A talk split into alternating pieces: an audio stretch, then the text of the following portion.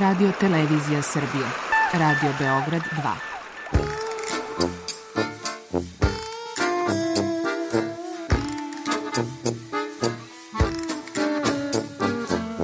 Rekli su mi, gospodine, vi ste promašili temu. Pa ja sam onda promašio život. I ne znam šta će da bude sam. Kaže, ja ne mogu više te čuvam. Šta da ti radi, kaže, snađi se kako znaš. Mi smo kao u kafesu. Za nas to je najmrtvo. To je mrtvo za nas, naročito. I ja bih želela neko da me usvoji. To bih želela. Govori da bih te video. Program dokumentarnog zvuka.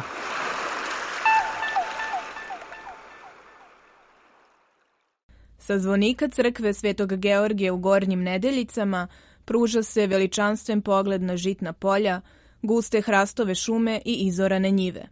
Ponekad pogled zastane na sablasnom prizoru napuštenih kuća, koje svojom pustoši odudaraju od bujnog života prirode oko sebe.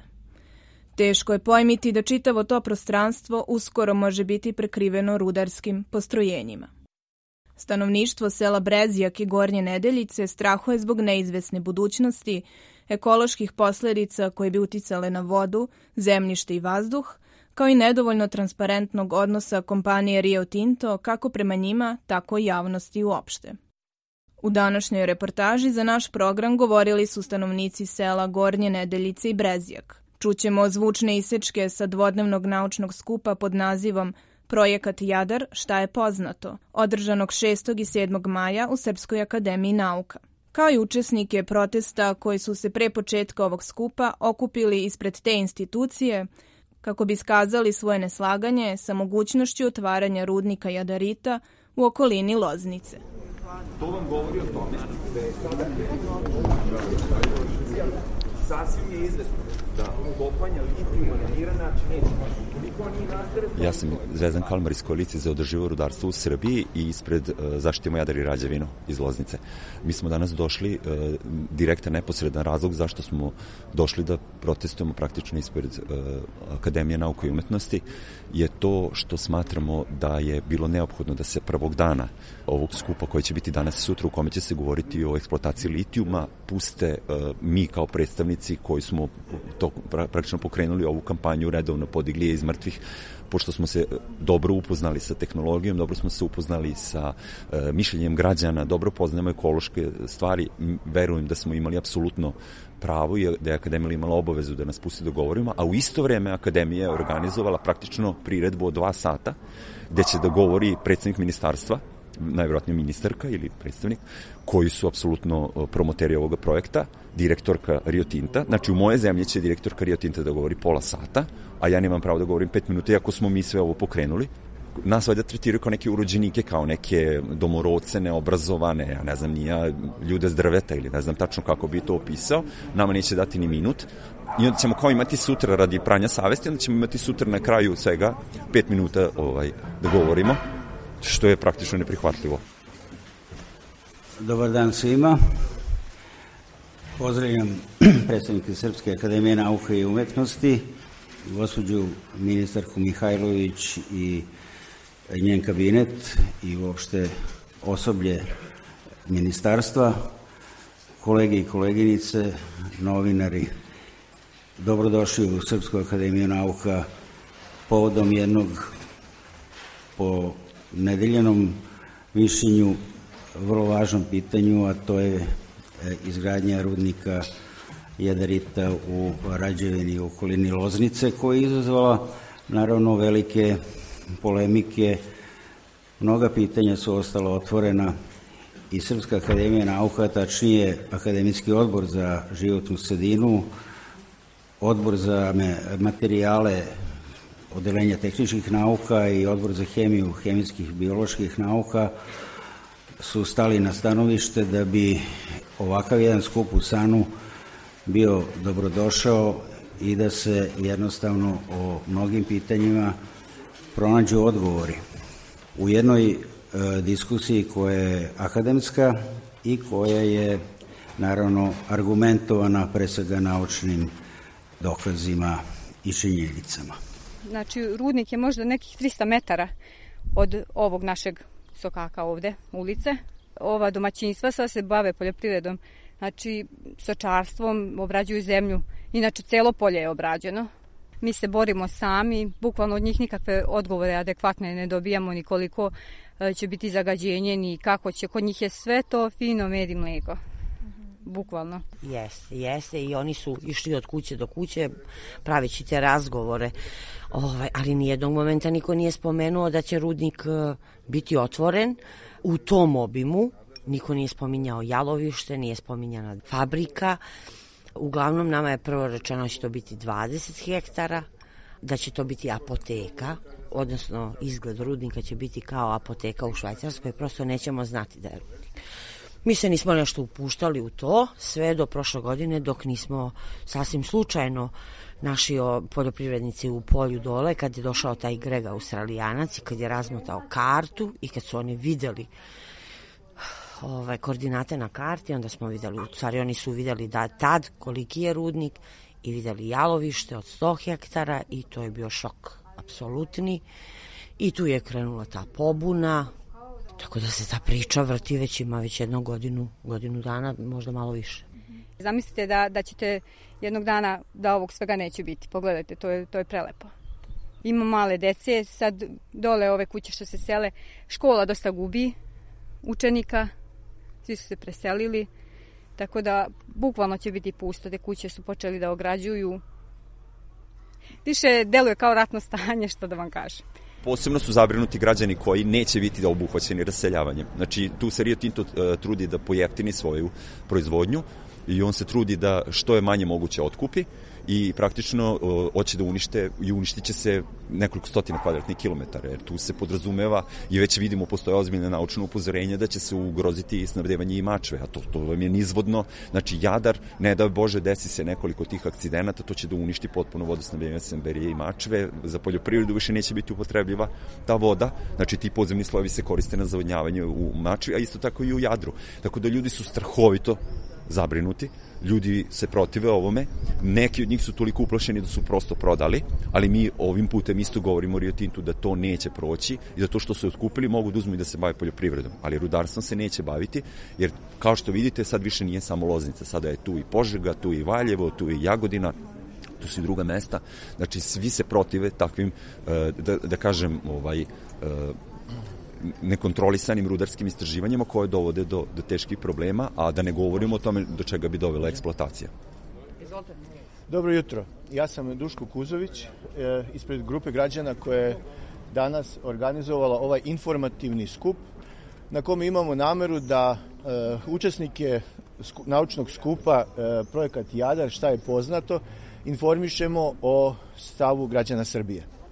I ako mi dozvolite, ja ne bih puno dužio, već bih vam samo pročitao dopis koji ćemo upravo nared, da predamo na pisarnici Srpske akademije. Predmet obaveštenja. Obaveštavamo vas da građani opština Požega, Kosjerić, Mionica, Ljig, Topola, Aranđelovac, Gornji Milanovac, Čačak, Užice, Krupanj, Loznica, Osečina, Lajkovac i Valjevo ne žele rudnik, niti žele geološka istraživanja u svom okruženju. Takođe, spremni su da svoje stanovište brane sa rešenošću i svim sredstvima kojima se brani život, ognjište i sloboda odlučivanja. Molimo vas da ovo obaveštenje pročitate na početku sednice kako bi svi učesnici bili upoznati sa našim stavom. Ako mi dozvolite, ja bih sad ovo otišao da predam na pisarnicu i mi dalje nemamo šta da pričamo. Očekujemo da Srpska akademija nauka i umetnosti ispoštuje i podrži volju apsolutne većine građana. I u to ne sumnjamo. Hvala. Imate pitanje?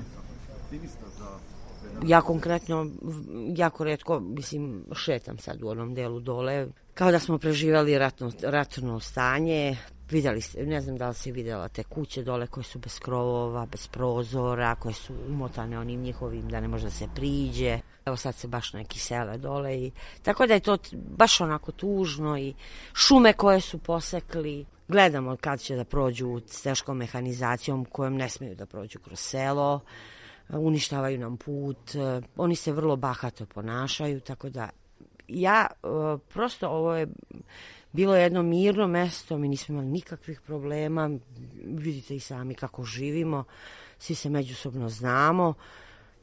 Ovo sad što smo doživeli je zaista strašno. Prvo što nas pohode i raznorazni aktivisti, raznorazni političari, nas to ništa ne zanima, nas stvarno zanima samo kako da sačuvamo ovu zemlju i, i svoje živote i svoje porodice, mi ovde živimo vekovima. Sami vidite kako izgledaju kuće u ovom kraju. Ovo su kuće po 300 kvadrata koje su e, nova gradnja, nama su njive u polju. I ne znam uopšte, očigledno je da kompanija nema nameru da se a, ozbiljnije bavi a, i prostorom u kome su došli i ljudima sa kojima razgovaraju. Mislim ne daju nam odgovore koje tražimo od njih. Mi smo ipak tu ovaj na 200 metara od planiranog rudnika 300 metara od njihove kancelarije. Prvo smo postavljali pitanja usmeno oni nisu odgovarali. Na kraju smo uzeli pisanim putem pa sad je i premijerka s nama u dogovoru da ona bude posrednik što je opet za mene strašno, ipak je ona premijer naše države, a ne prenosila sporuka. Ni dalje nemamo odgovore, za sve ono što smo ih pitali nismo dobili ni jedan odgovor. Eto, već, ja mislim već sigurno od Pa mislim od decembra prošle godine. Imam sada priliku da pozovem Vesnu Prodanović, koja je direktor Jasava, da ovaj održi, izloži svoju prezentaciju. E, predviđeno je da moja prezentacija traje 30 minuta sa diskusijom. 20. Sa diskusijom. E, dok završimo, u svetu će se prodati oko 2000 novih električnih automobila. A kada Jadar postrojenje počne da radi 2027. godine, za pola sata biće prodavano čak 5000 električnih automobila. To možda zvuči malo, ali to će zapravo predstavljati svaki četvrti automobil u svetu. Jadarit je jedinstven mineral koji sadrži ne jednu nego dve sirovine ključne za ekonomski razvod Srbije. Evropske unije i čitavog sveta, litijum i bor. E, danas smo ovde da vam pokažemo da je održiva eksploatacija tog minerala moguća i da pažljivo saslušamo vaše mišljenje i sugestije. Najveći su nam problem te bušotine koje su se dole izlivale i koje se izlivaju i dalje. Oni tvrde da se ne izlivaju, međutim imamo papire u kojima su oni plaćali nadoknade poljoprivrednicima za izlivanje njihovih bušotina i za umanjenje pri, ovaj, prinosa i oštećenje zemljišta. Tako da oni ne mogu da kažu da one kaplju ili vlaže ili šta već kako su do sad to demantovali u medijima kad mi imamo, imamo e, konkretne papire od ljudi kojima je nastala velika šteta od osamari pa nadalje.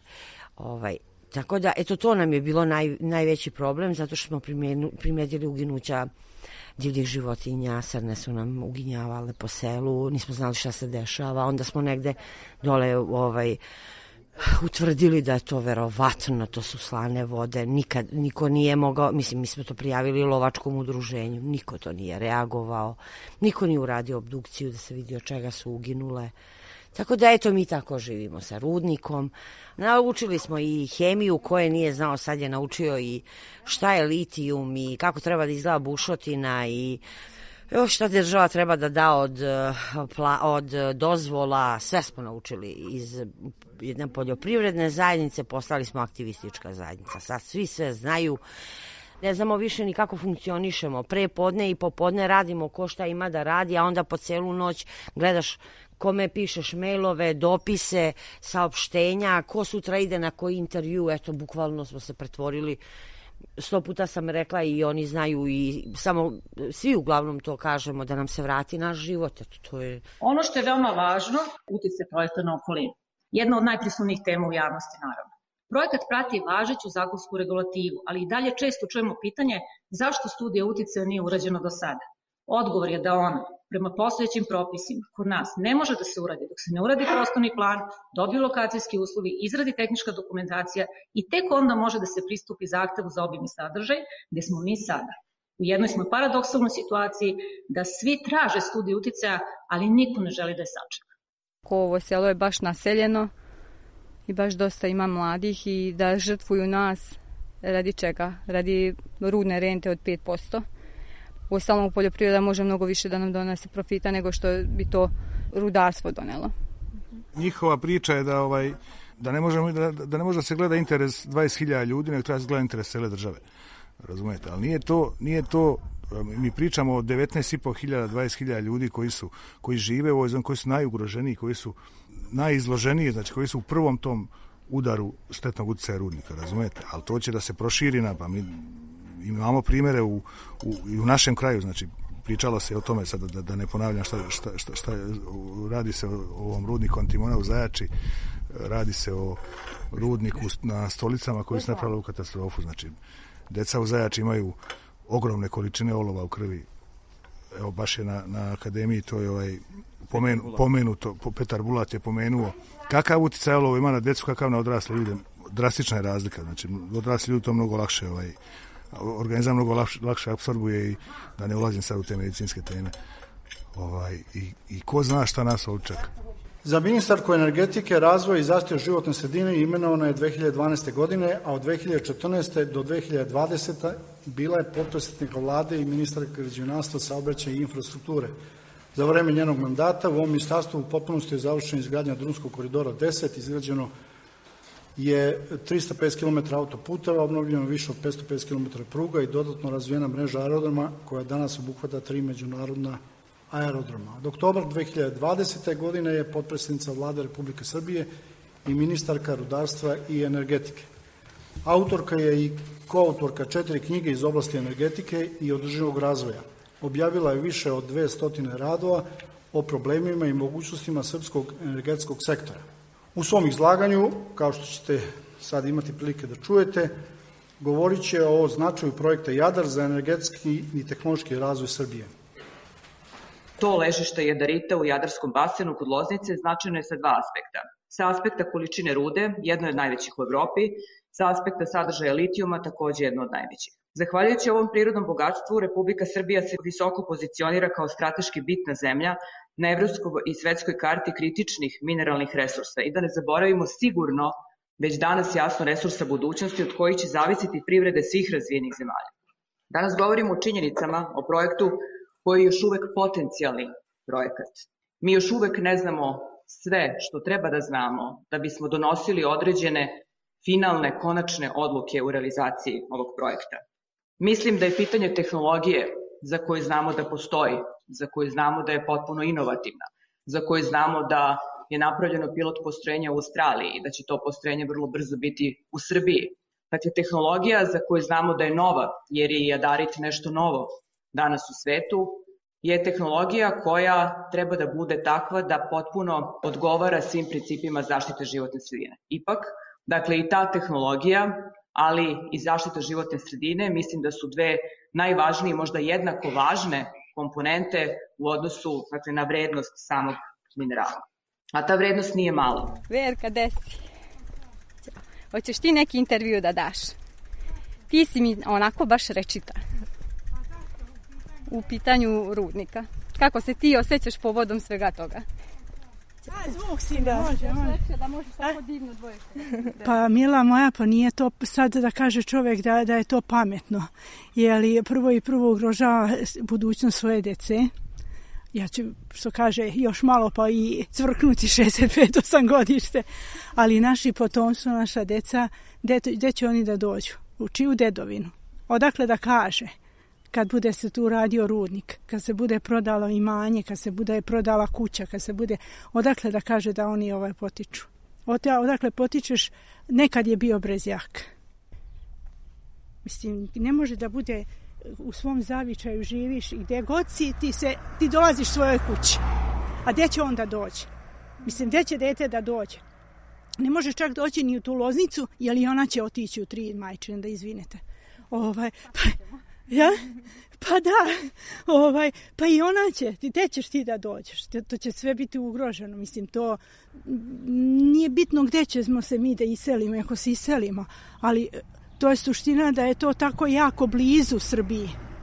To je, to je strašno, mislim, to se ugrožavaju generacije, ne ugrožava se sad da ćeš ti meni nešto povoljno, da ćeš ti meni, a moramo mi koji, koji se tu radi, ja moram sad ako mi se nalazi rudnik, tu, ne mogu ja da se izolujem sad, znate.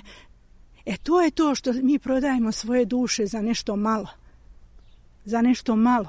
Elaboratom resursima i rezervama overene su bilansne rezerve rude litijuma i bora kod Loznice u iznosu od 158 miliona tona. proračunate vrednosti 56 milijardi dolara. Da li smo mi dovoljno bogata zemlja da se odreknemo prirodnog bogatstva koje može biti temelji naše privrede i stub jake ekonomije?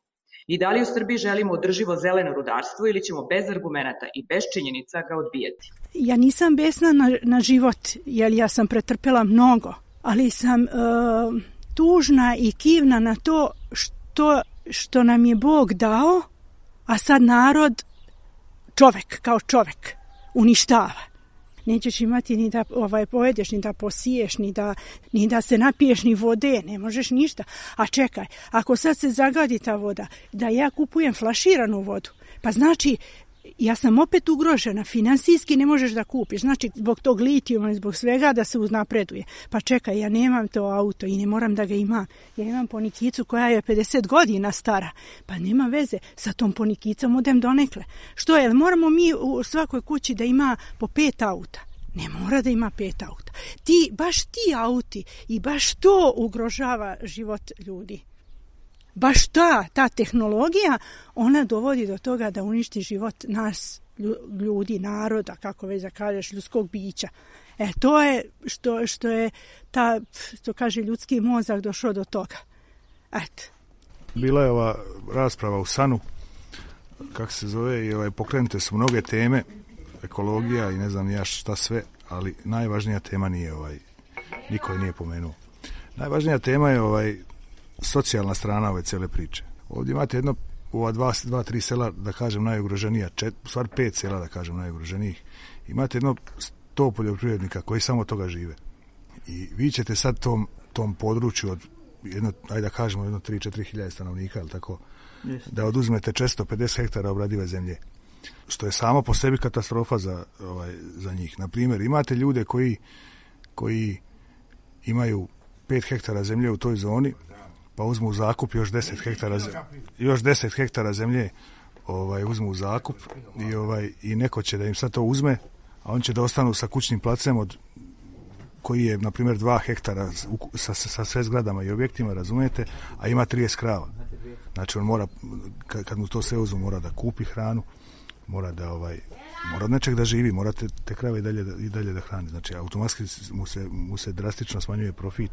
Razumete, ljudi imaju kompletnu mehanizaciju i Zlatko Kokanović je jedan od, jedan od tih ljudi.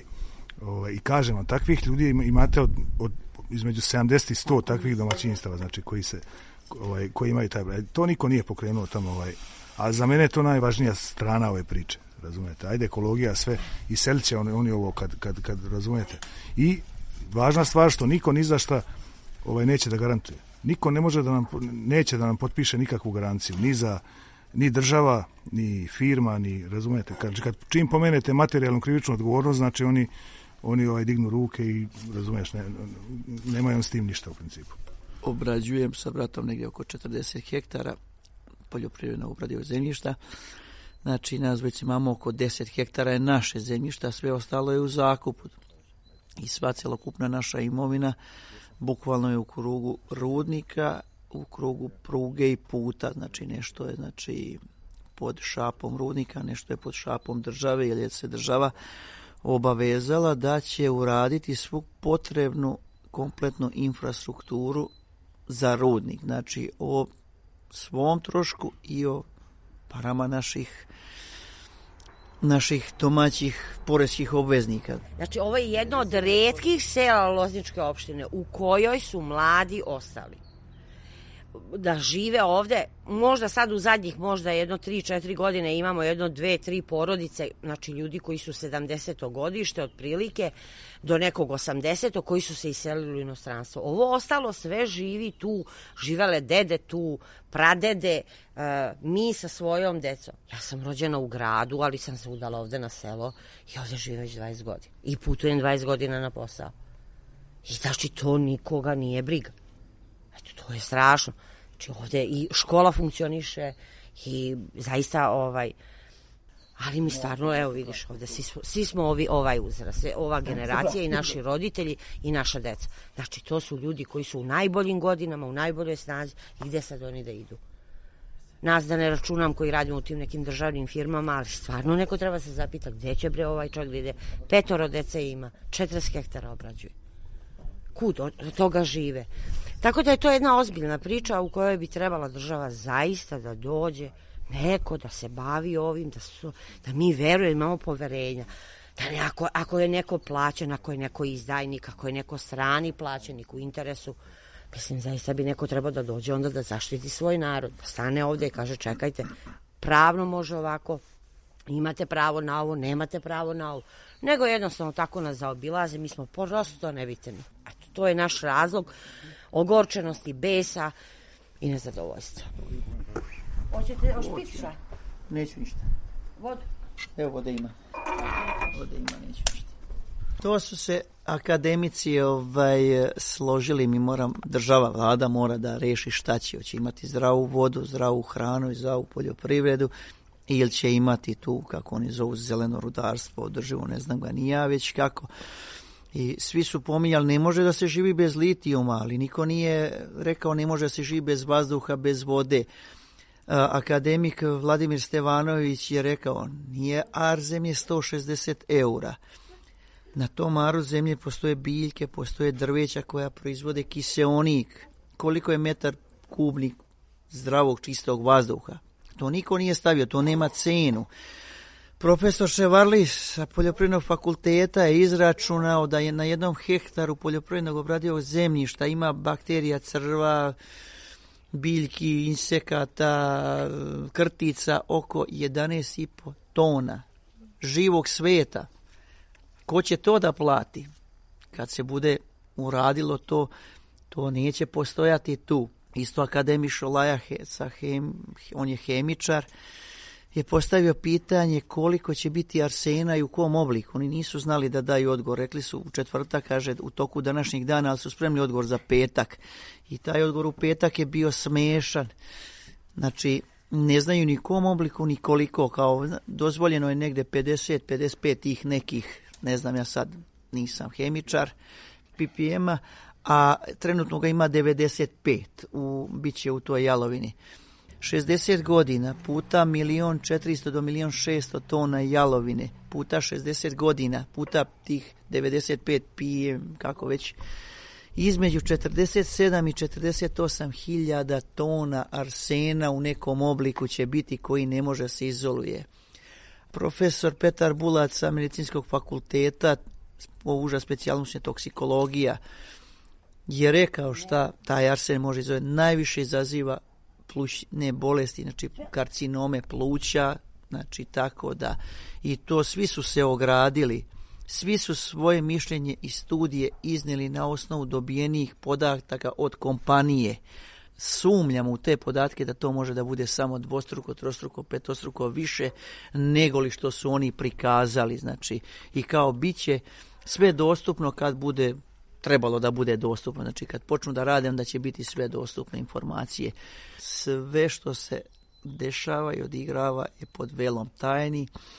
Bila jedna mlada pravnica koja je njoj je uža specijalnost ekološka, ekološko pravo i ona je ovaj, navela lepo da ne smu da postoje tajne za javnost u najužem krugu. Znači, po zakonu Ustavom zagarantovano znači pravo na dostupnost informacija, znači ne smo da postoje tajne.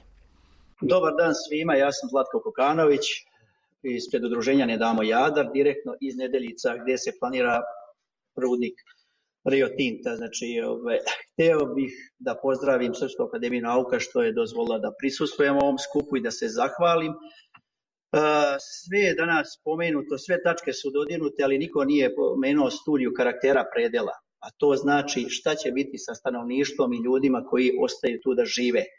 Znači, i jedno pitanje kompanije Rio Tinta, vladi Republike Srbije i profesorima koji su naklonjeni Rio Tintu, znači, jesu li oni spremni da na svoje ruke stave živote ljudi koji su u tim ugroženim selima, kojima oduzimaju zemlju, i egzistenciju za život. Znači, seku nam ruke i noge, znači, sa čim ćemo mi živeti i gajiti svoju decu. U današnjoj reportaži za naš program govorili su stanovnici sela Gornje Nedeljice i Brezjak. Čuli smo zvučne isečke sa dvodnevnog naučnog skupa pod nazivom Projekat Jadar šta je poznato, održanog 6. i 7. maja u Srpskoj akademiji nauka, kao i učesnike protesta koji su se pre početka ovog skupa okupili ispred te institucije kako bi skazali svoje neslaganje sa mogućnošću otvaranja rudnika Jadarita u okolini Loznice.